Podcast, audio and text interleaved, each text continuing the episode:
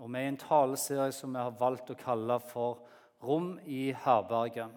Og det vi skal gjøre i dag, er at vi skal inn i en av de mest kjente historiene i Bibelen, kanskje, uh, som mange har hørt om. Det snakkes om i kirker og i menigheter i julehøytida. Og det er historien om Josef og om Marie. Og så er det ikke sånn at det er jul ennå. Det er noen uker til.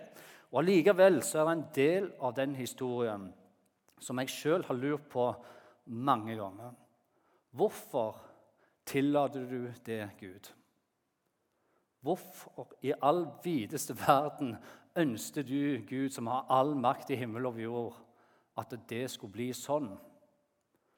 Fordi jeg tenker, du kunne jo bare gjort det annerledes.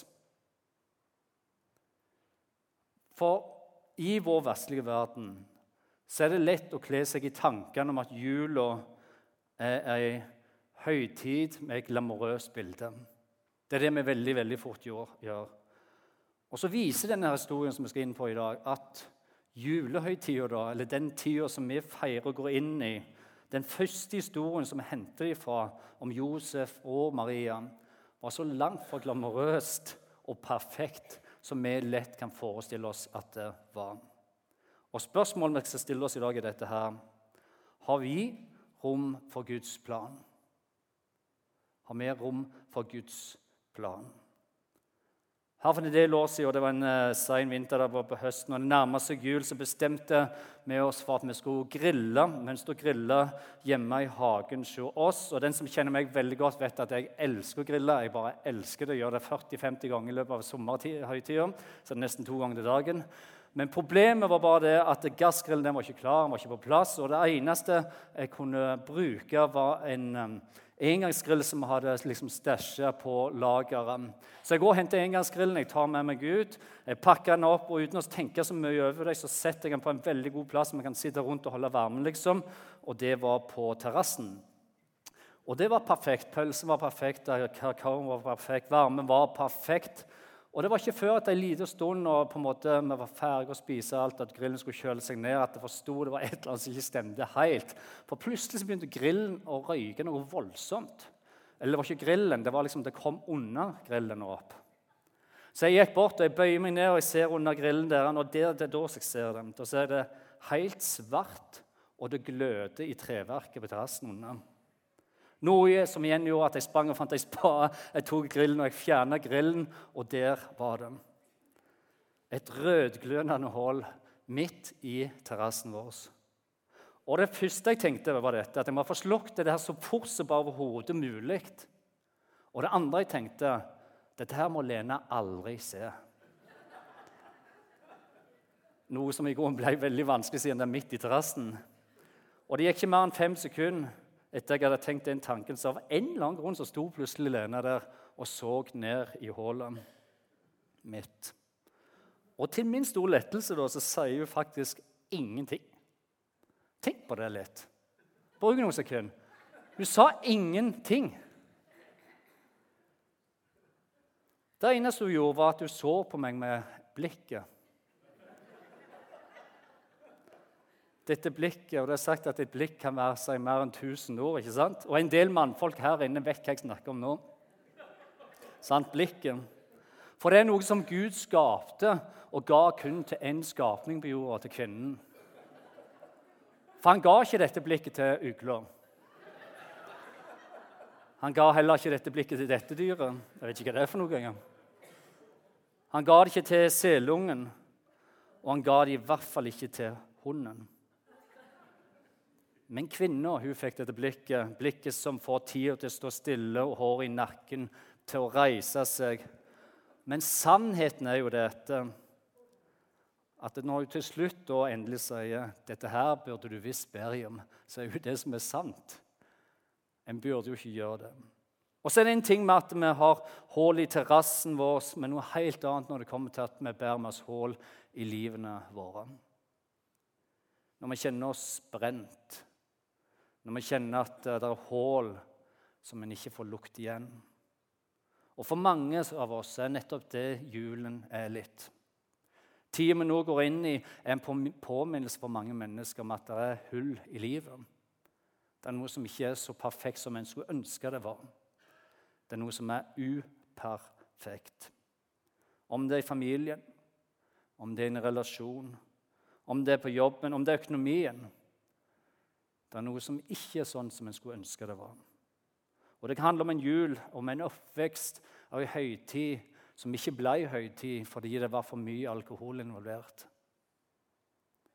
Og minnene dras enda med seg inn i voksenlivet. Eller det kan være en relasjon. Det skjedde noe i fortida, men det er ennå et hull imellom oss. Og jula minner oss så altfor godt om det. Eller kanskje det handler om noe en sjøl gjorde, som en bærer med seg. Vi skulle ønske vi kunne skrudd tida tilbake og gjort det annerledes enn gjort det med en eneste gang. Og jula minner en på den. Eller kanskje er jula spesielt hard for noen av oss fordi det minner om altså en en er glad i, en en elsker, ikke lenger er her. En er ikke i rommet, ikke rundt bordet.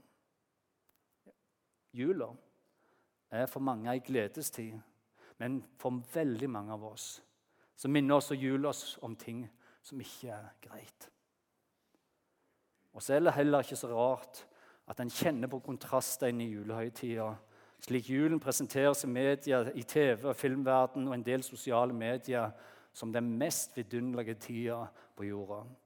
Den lykkeligste tida. For mange mennesker, og kanskje du er, her, så er det ikke sånn. Og Jeg sier dette med respekt, og det er ikke for at jeg skal ta lett på det, men det her det her er jeg får lov til å tro. Det er denne troen jeg da bærer med meg, at uansett hvor uperfekt mitt eller ditt liv er. Uansett hvilken hull en bærer med seg, om det er savn eller det er sorg, så tror jeg at det fins en plan, en Guds kall midt i det òg. Gud har noe inni hullet i vårt liv som han ønsker å gi oss, ønsker å bære sammen med oss. Så vi kan finne vei ut av hullet og finne det som vi trenger. Hebreabrevet sier sånn som dette her. Glem ikke å være gjestfrie, for på den måten har noen hatt engler som gjester uten å vite det. Med andre ord, Det er ikke sikkert at vi vet det, det er ikke sikkert at vi har lagt merke til det, men det kan være at Gud er nærmere enn du tror. Det kan være at det som gikk i stykker, eller det som er uperfekt, det som ikke ble som vi ønsker, det kan være at Gud har noe i det som han ønsker å gi til deg. Og Historien vi skal inn i dag, forteller oss om flere slike øyeblikk. Om det uperfekte, det som ikke ble som en trodde. Om sorg, om savn, om et hull i livet.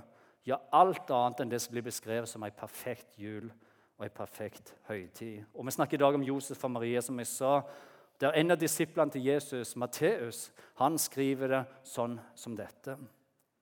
Med Jesu Kristi fødsel gikk det slik. Hans mor var lovet bort til Josef, men før de var kommet sammen, som betyr um, Før de ikke var, de var sammen du, eh, du, forstår hva jeg mener med det? sant?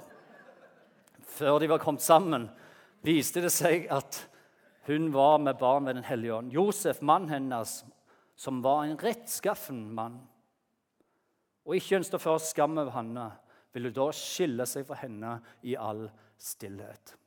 Vi forstår ikke dette, men på den tida så kunne Josef ha krevd at Maria skulle steines. Fordi han tenkte, og alle tenkte, at Maria har vært utro. Josef var en rettskaff mann. De hadde ikke vært sammen, så det eneste som var naturlig da, var at siden hun hadde vært utro, så ønsker jeg å skille meg fra henne i stillhet. Og Grunnen til han ønsket å gjøre dette i stillhet, grunnen til han ikke ønsket stein, grunnen til han ikke ønsket å henge ut Maria, selv om hun hadde vært utro, var fordi at han var en rettskaffen mann. En hederlig, moralsk, redelig og god mann. Noe som betydde at Josef var en mann du kunne stole på.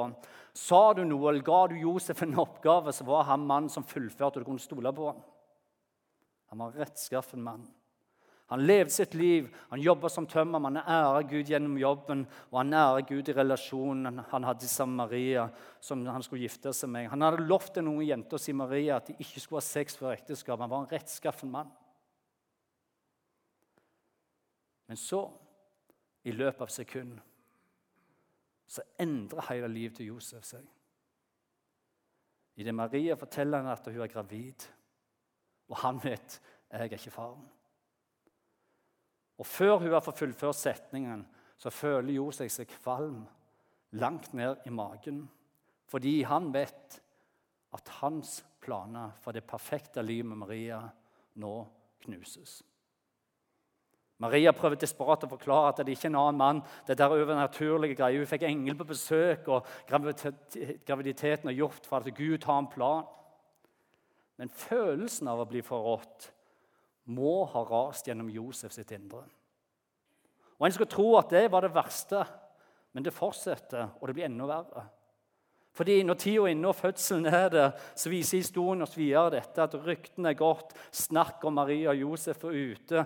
De fryses ut. Og det kommer det som kunne blitt en flott ting for de to sammen, ender med en lang lang reise til Betlehem, der ingen kan eller ingen vil gi dem rom. Det var ikke rom for de i herberget. Ingen ønsket å gi dem rom.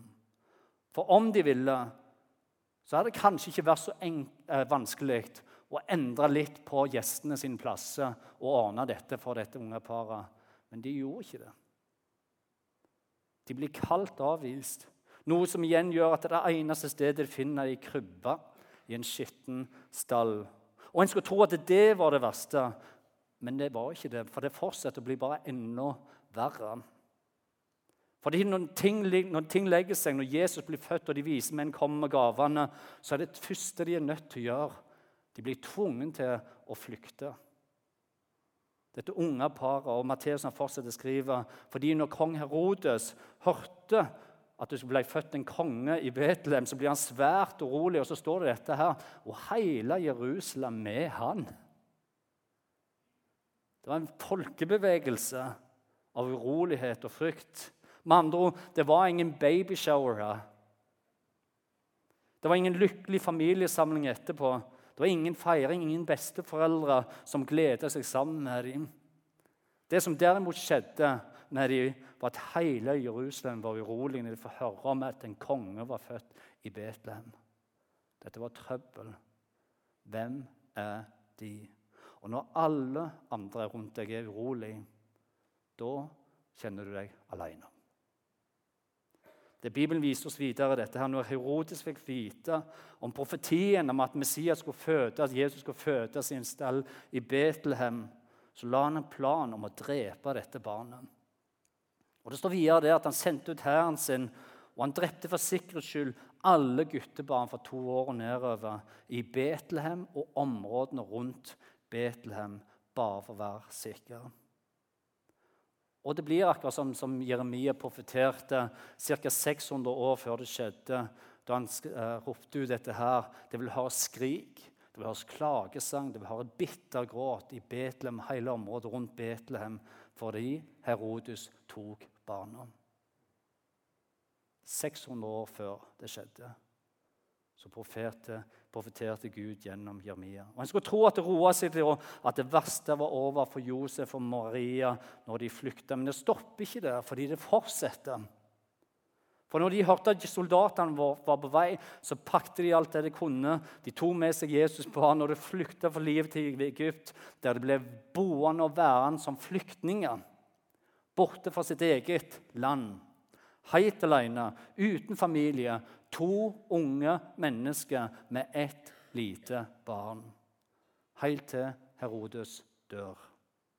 Og En skulle tro da at det var over. At nå stopper det. Men det gjør ikke det. Fordi etter Herodes så kom sønnen til Herodes på tronen. Noe som igjen gjorde at Josef og Maria de kunne ikke reise hjem til Jerusalem. De kunne heller reise hjem til Betlehem. Det eneste stedet de kunne leve i skjul, var når de reiste hjem og fant et hjem i Nasaret. En by der folket sa det kom ingenting godt ut fra Nasaret. Der levde de i skjul. Og Det er ikke for å dra lange paralleller her, men sant? Du har Jerusalem, og så har du Lyngdal. Og så har du Nasaret, og så har du Farsund. Det er bare for å gi et bilde på det. Om du er fra Farsund, så sorry for det. Men det er enda verre for meg, faktisk. Jeg er bare en liten pissemor her i Lyngdal. Som kommer fra Jæren. Men poenget mitt er dette her, at når du leser historien om Josef og Maria, og om de første åra som Jesus hadde her på jorda, så var ikke det den perfekte julehistorien. Den er langt, langt, langt ifra perfekt. Gud fikser ikke opp i ting slik at det blir perfekt. Vi skulle ønske det var slik. Men slik Bibelen beskriver historien, så viser oss den nakne og avkledde sannheten om hva som virkelig skjedde. Maria hun var ei tenåringsjente som opplevde offentlig skam. Josefs hjerte ble knust. Livet hans falt sammen. Det var ingen rom for de i herberget. Ingen ønsket å ha de inn. De fødte Guds sønn i en stall fordi alle andre snudde ryggen til dem. Jesu foreldre var to unge mennesker som var helt alene, som sannsynligvis var livredde, og de var hjemløse. De hadde ingen familie rundt seg, ingen jobb. De var flyktninger som var tvunget til å flykte minst 35 mil til fots mens soldatene lette etter Jesusbarnet. De flykta for å gjemme seg i fremmed land i flere år, der sannsynligheten er stor for at de måtte tigge for å få mat på bordet. Får de jobb som flyktning i et annet land? Og det er én ting når vi ser tilbake på historien nå i dag, 2000 år seinere For det vi ser nå 2000 år senere, er at over 2,2 milliarder mennesker sier i dag at de tror på Jesus Kristus, og han er deres herre og frelser, og de bekjenner hans navn. Over 2,2 milliarder sier det. Altså 32, Over 32% av jordens befolkning har valgt å tro at denne historien her er sann. Har valgt å tro at Jesus døde, han sto opp igjen, og det gitt sitt liv til han. Og Når vi ser tilbake på det, så tenker vi det er fint og det er greit. Men for, for de to, for Josef og Maria som var midt i det, så var ikke dette det perfekte liv som de ønsket. Det var mange hull her som ikke var sånn som de ønsket det skulle være. Det var overhodet ikke et perfekt bilde som de så for hverandre når de traff hverandre. Når de begynte å date hverandre og gå i sammen. Det kom hull innimellom. For de så virka det som om livene deres nesten raste i, sammen i et hull. Men det betyr ikke og når vi høre godt dette, det betyr ikke at Gud ikke var med dem. Det betyr heller ikke at Gud har en plan inni dem. Det betyr heller ikke at Gud har glemt løftene han ga til dem. Du ser at Guds rike er i grunnen et omvendt rike på mange måter. Han sier f.eks. dette her De første skal bli de siste. Det er, ikke, det er ikke sånn vi tenker i dag. Han sier de første skal bli de siste i mitt rike. Og han sier dette Hvis du gir, så skal du få. Det er liksom litt omvendt. Og han fortsetter å si dette Det minste iblant dere skal bli de største. Og Disse prinsippene, disse verdiene, er så fundamentalt annerledes enn store deler av den kulturen vi lever opp i og er en del av. Det er ikke det kulturen vil si er det perfekte livet for oss. Jesus han sier sjøl sånn som dette her. Sannelig, sannelig, jeg sier dere. Hvis ikke hvetekornet faller i jorda og dør, blir det bare det ene kornet. Men hvis det dør, så bærer det rik frukt. Og Det Jesus snakker om her, det handler om at han sjøl en dag skulle lide om at dø døde er framme. Så han snakker om det ene kornet som er nødt til å dø for mange skal få tak i livet. Ja, I dag er det 2,2 milliarder som får dem. Men han snakker også om noe mer her. Han snakker også om at det handler også om oss. Det handler om at i Guds rike så er ikke døden det endelige. I Guds rike så er døden starten på et liv. Starten på det Gud virkelig ønsker for vårt liv. Og Da handler det om som menneske å falle med hele livet. Falle med hele tyngden. Med alt det med, med det gode og det uperfekte, det gode og det dårlige livet. Å våge å gi det og falle inn til Gud, hos Gud. Slik at han kan få lov til å vise oss, selv om det er hull, selv om det er ting som ikke er perfekt, selv om det er ting som ikke er som vi skulle ønske det var, så har han også en plan for oss der. Og akkurat som Josef også, og Maria så fikk de tre løfter av Gud. Så får også vi det. Som Josef og Maria fikk disse tre løftene, så skal vi vite at disse tre løftene gjelder for hver eneste en av oss. Og Det første løftet som Gud ga dem, dette her. Du trenger ikke å være redd. I Bibelen så er dette løftet det står flest ganger. Det står hele 366 ganger i Bibelen 'vær ikke redd'. Og Det er ikke det at vi liker å høre det, men helt ærlig så er det nok mange av oss som er redd.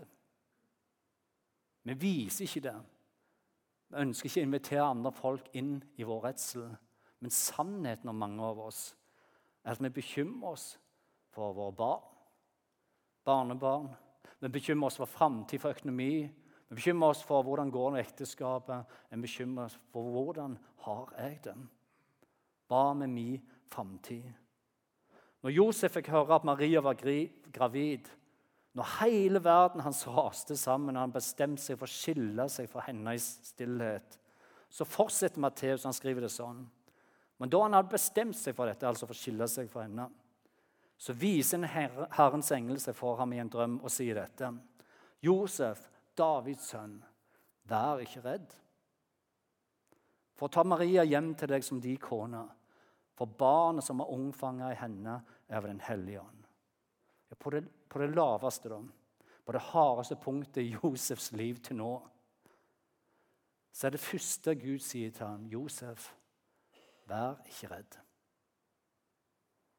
Og Grunnen til dette er fordi Gud visste at dette kom til å føles som et knyttneveslag i magen til Josef. Josef, jeg vet at dette er vanskelig å forstå, men vær ikke redd. Stol på meg. Og Det Josef velger å gjøre nå, er utrolig bra. Og Det er viktig for oss at vi også får med det inn i våre liv i dag. For midt i usikkerheten så oppdager Josef noe som gjør at han velger å stole på Gud. Midt i usikkerheten så velger Josef å stole på Gud. Ja, Selv om verden raser sammen, selv om livet hans ikke ble det han ønsket det så for seg, selv om ting endra seg Idet de ble skjøvet ut i skammen og måtte flykte for livene sine, så oppdaget Josef noe. At han kunne stole på Gud. Med andre ord, når alt kommer alt til alt, når ting lander ned, så er det i grunnen bare én ting å spørre. hvem eller hva velger du å stole på? Jesus han sier sånn som dette her. Dette har jeg sagt til dere for at dere skal ha fred i meg. Ja, i verden har dere trengsler, men vær frimodige. Jeg har seira over verden. Og for mange av oss, ja, kanskje alle av oss, så kan vi si ja, det er slik. I denne verden her er ikke alt enkelt. Det er vanskelig, det er utfordringer, og det kommer imot oss. Det kan være trengsler, det kan være utfordringer. Det er vanskelig til tider. Om det er på jobben, eller om det er i ekteskapet, om det er med barn eller om det er med barnebarn, om det er en relasjon som har gått i stykker, om det er helse, søvnløse netter eller det utvinnelige utvinnende press en kan kjenne på, en usikkerhet, så sier Jesus dette. Vær frimodig. Stol på meg i det du står på. Len deg inn til meg, for jeg har seier over dette. Jeg vil gi deg fred i dette. Det eneste han ber om for oss, at vi sjøl, som Josef, søker å oppdage at det Gud sier, faktisk er sant. Det er sånn det er. Og Det første løftet han greier oss, og det sier til oss er dette her du trenger ikke være redd. Det andre løftet han ga til Josef og Maria, som han også gir til oss, er dette her. Du trenger ikke bære skylda alene. Du trenger ikke bære skylda og synden sjøl. Rett etter engelen hadde snakket med Josef ved en drøm og forklart om den overnaturlige graviditeten, så sier engelen videre dette her, at Maria hun skal føde en sønn, og du skal gi ham navnet Jesus, Josef. For han skal frelse sitt folk for deres synder. Og Jeg vet ikke om du har lagt merke til dette, her, men vi har et problem i denne verden. Det er et problem. Og Problemet jeg nå refererer til, er det som Bibelen kaller for synd. Synd, et ord som i dag får nesten mennesket til å gå bananas. For hvem er vel du, Jim, til å dømme meg? Hvem er vel du til å si hva som er synd, eller hva som ikke er synd, hva som er rett, og hva som er galt for meg? Du er ikke mye bedre, du. Du er en synder, du òg. Og jeg skal være den første til å si at det er helt sant. At jeg har ting i mitt liv som jeg skulle ønske ikke var som de var, eller var slik de en gang var. Egoisme. Det er stadig ønske om å bygge mitt eget perfekte rike. Bare vi er beskytta. Bare vi har det godt. Ja, jeg vet hvordan det er, men jeg lukker mine øyne og ører til det bygge mitt perfekte rike. Egoismen. Eller ting jeg har sagt og gjort som jeg skulle ønske var annerledes. Tvilen. Kampene. Erfaringer. Opplevelser. Ting som jeg skjemmes av fordi det er synd. Og det jeg har funnet ut av, er dette her. Jeg er helt avhengig av Guds nåde hver eneste dag i mitt liv. Thomas Jødin, som er forfatter og pastor, han skriver i en av sine mange gode bøker skriver han dette. Han, det gode livet det, det er ikke noe vi velger. Det er noe man oppdager. Det er en oppdagelse der en ser noe en ikke trodde var som det var. For det er en ting med viljesbeslutning, en helt annen ting når du oppdager den. For uten at en oppdager at Gud er en frelser som elsker, uten at en oppdager at Gud har en plan midt i hullet, midt i det vonde som en står i, så vil en heller aldri finne hvile i at Gud tok vår skyld. Når Jesus fikk vite at navnet skulle være Jesus, og han skulle frelse folket fra deres synde, så handler ikke det om å dømme, men om at Gud sendte sin eneste sønn som en siste desperate løsning for å redde oss mennesker. Det ingen av oss klarer sjøl, kom Gud inn for å redde. Fra anklageren, som en dag vil stå over alle mennesker og kreve sin rett. Fordømmeren, som en dag vil stå over alle mennesker og si 'den gjorde det, og den gjorde det, denne gjorde det'. For Gud så har det aldri handlet om å dømme men om vi gir utstrekt hånd, så vi skal slippe å møte anklageren. Jesus han sier selv sånn som dette her, at Gud han sendte ikke sin sønn for, til verden for å dømme verden. Det er Jesus sjøl som sier Gud sendte ikke meg, sier Jesus, for å dømme verden, men for at verden skulle bli frelst ved han. Det handler ikke om en Gud som dømmer, men det handler om en Gud som ønsker å redde. Han valgte å gi sin eneste sønn han valgte å gi sin sønn til et liv på flukt. Han valgte å gi sin sønn til et liv med smerte, med kamper, med prøvelser, med savn, med sorg, med urettferdig behandling, i nød, i fattigdom, som tigger, som sulten. Der han som voksen vokste opp, ble forrådt av sine nærmeste. Der han som voksen ble slått og pisket for noe han ikke hadde gjort. Han ble nagla til et romersk kors for, synd, nei, for, våre synder. Bare for å stå opp igjen tre dager seinere og bryte dødens makt. Og Den eneste grunnen til han valgte å gjøre dette, her, det var ikke for å dømme mennesket, men for å frelse mennesket. Det var for å redde oss for det som ikke kunne bli redda for oss sjøl. En utstrakt hånd fra Gud. Romerbrevet sier så langt som dette her. Men Gud viser sin kjærlighet til oss ved at Kristus Jesus han døde for oss mens vi ennå var syndere. står det. Nei, Jesus han kom ikke for å dømme. Men det er ikke dermed sagt at det er det samme som ingenting er rett og ingenting er galt. Jesus kom med kjærlighet, og Guds kjærlighet vil alltid ha dette i seg. At den han elsker, den han har kjær, den han ønsker å være nær, vil han alltid beskytte. Alltid være der for å vokte slik at vi ikke ødelegger livet vårt og relasjonen til Han. Kjærligheten sier fra. Jesus sier det sånn som dette sjøl.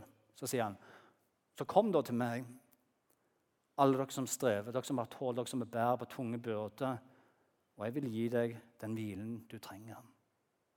Oppdagelsen er dette. Du trenger ikke bære det sjøl.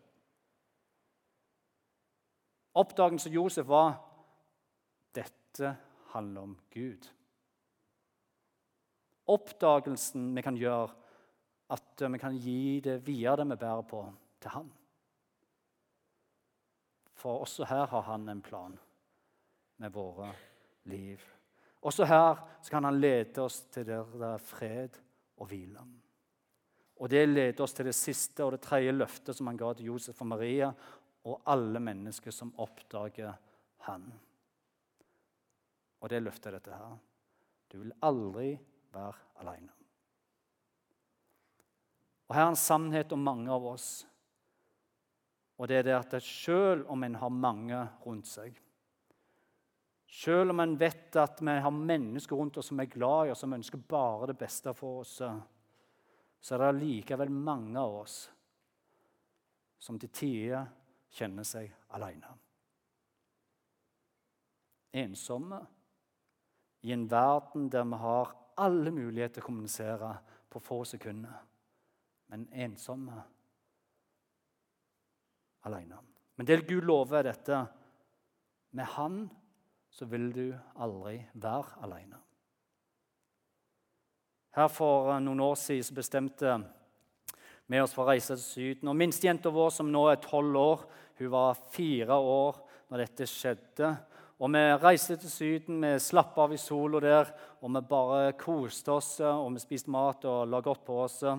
Og Det var en dag mens vi var rundt bassenget, den fjerde dagen mens vi var der, vi lå rundt bassenget der og koste oss, um, så hadde vi gitt tydelig beskjed til Vivian at du må ha sånne armringer på deg hver eneste dag når du er ute her med bassengområdet. Der er ett lite basseng, det er grunt, der kan du bade. Det bassenget på sida der er stort og det er dypt. Det er kun for voksne. Sant, Vivian? Ja, dette var greit. Du får lov å være der. Vi skal være her. Du aldri oppi her. Dette var greit. Den fjerde dagen når vi skulle ha lunsj Jeg gikk og hentet pommes frites og satte oss ned med solsengene der vi skulle begynne å spise. Så plutselig kjenner jeg i magen. Og jeg reiser meg rett opp og jeg spør deg rundt der, hvor er Vivian. Og ingen så Vivian. Jeg så rundt det bassenget, jeg så over det lille bassenget. Hun var ikke der. Jeg så rundt kanten på det store bassenget. Vivian var ikke der. Og plutselig så ser jeg armringene som ligger på sida av solsenga, og jeg kjenner at panikken tar meg. Jeg hopper opp av ei solseng og jeg ser ned i det store bassenget, og midt på bunnen der så ser jeg noen som beveger seg. Jeg hopper over solsengen, og jeg springer som en gal. Jeg kommer fram til kanten, og jeg hopper uti. Og når jeg nærmer meg, så ser jeg at det er Vivian som står på bånden med munnen åpen og armene rett i været. Jeg tar tak i Vivian. Jeg drar med meg opp. Får henne inn til kanten der de andre tar imot. Og vi legger henne på sida på ei solseng. Og vannet bare begynner å harke og hoste ut slår henne i ryggen. Og Etter noen sekunder så forstår vi at dette ser greit ut. Og Det første Vivian sier når hun sier noe når reiser seg opp, er dette her. 'Pappa og mamma, jeg snakket med boblestemme i vannet.' 800 år før Jesus ble født. I Bibelen står det mange profetier om det som skal skje. 800 år før så var en av de store profetene med navn Jesaja som snakket om Jesu fødsel, som snakket om det skulle komme en frelser. Du kommer ikke til å være alene. Han kommer til å hjelpe deg i din usikkerhet. Denne dagen, Messias, når Jesus kommer, så sier Jesaja dette her. For et barn er oss født. En sønn er oss gitt. En gave. Herreveldet er lagt på hans skuldre, og han har fått navnet Underfull rådgiver. Veldig Gud evig far, freds fyrste. 800 år før det skjedde, profeterte Jesaja det. Det Josef og Maria fikk lov til å være en del av 800 år etter, var Guds plan. Og det var den første og den største redningsstasjonen som noensinne har vært her på jorden. Gud er denne faren som kjenner i magen. Hvor er han? Hvor er hun? Han reiser seg, han speider. Bibelen viser dette. Det viser at Gud han løper. Og det viser at Gud han bøyer seg ned. Og han strekker ut sin hånd i kjærlighet for å løfte opp hver eneste en av oss som strekker våre armer imot ham. Gud kom ikke for å dømme. Han kom for å redde. Det vi ikke klarte sjøl, det kom han for å hjelpe. Hver eneste venn av oss som løfter blikket, som oppdager jeg er ikke alene her. Det historien om Josef og Marie viser oss, er dette her, at selv om livet ikke er perfekt, selv om det er hull, selv om det er vanskeligheter og vonde ting som har stått i over lengre tid, selv om vi ikke forstår hvorfor ting skjer, så er ikke dermed sagt at Gud ikke har en plan. En plan midt i det uperfekte, midt i det vonde. Oppdagelsen de to gjorde, var dette. Gud er en underfull rådgiver. Gud han er skaper av alt liv. Han er en veldig Gud. Han har all makt i himmel og på jord. Herreveldet det er lagt på hans skuldre.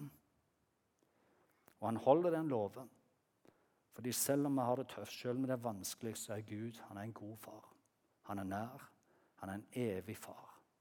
Min og din freds første.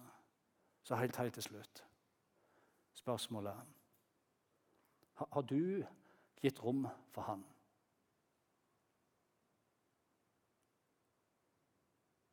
Har du gitt rom for han? Midt i det du står i nå. Du vet hva det er. Men har du gitt rom for hans inngripen, hans løfte? Har du gitt rom for hans frelse?